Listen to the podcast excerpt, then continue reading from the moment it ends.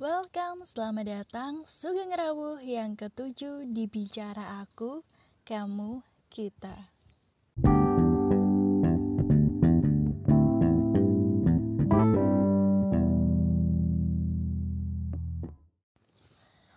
Sesuai janji, segmen Bicara Aku kali ini Mustika mau cerita tentang kisah perjalanan di mana Tuhan sepertinya sedang mematahkan hatiku untuk pertemuan dengan pengalaman hidup yang mengesankan.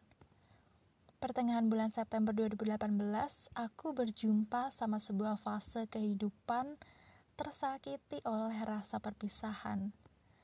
Awalnya tiap hari nangis, gak kenal waktu, pagi, siang, sore, malam, gak peduli lagi kuliah pun nangis.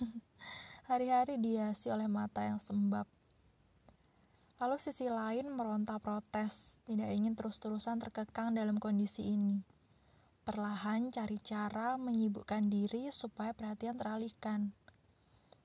Memutuskan untuk mengambil beberapa kursus kayak sekolah pasar modal di BI, kursus brevet pajak, sampai kursus broadcasting yang di mana itu aku suka banget.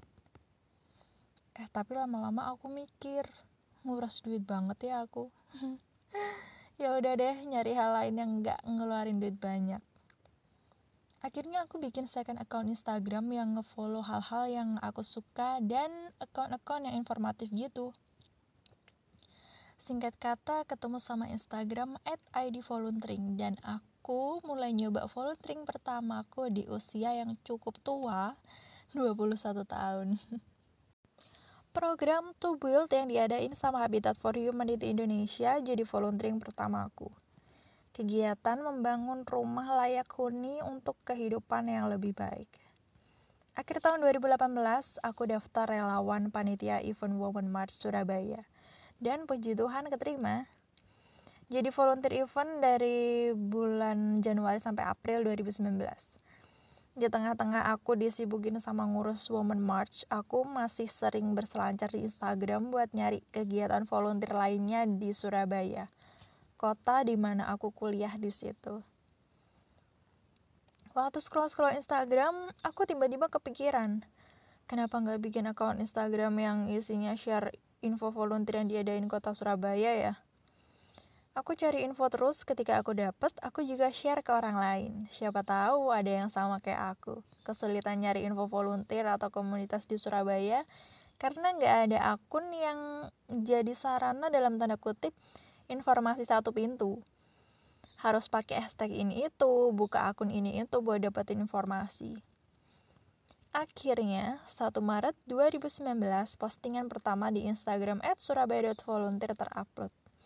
Aku bergerak aktif sih nyari info-info volunteer dan open recruitment komunitas di Surabaya.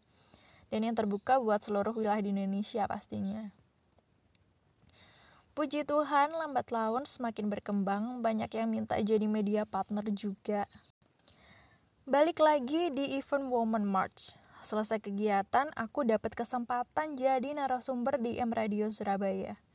Ngobrol tentang Women March yang aku ikutin gila seneng banget sih rasanya meskipun aku nggak jadi penyiarnya tapi setidaknya itu aku udah ngerasain loh gimana rasanya on air masuk studionya radio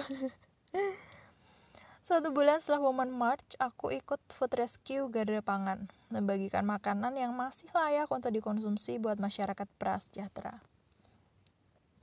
Akhir tahun 2019, aku kaget banget waktu dapat DM di Rich Meshek dari tim kreatif BBS TV yang ngundang aku buat jadi narasumber di talk show Cakrawala bertajuk Menyebar Kebaikan Melalui Sosmed.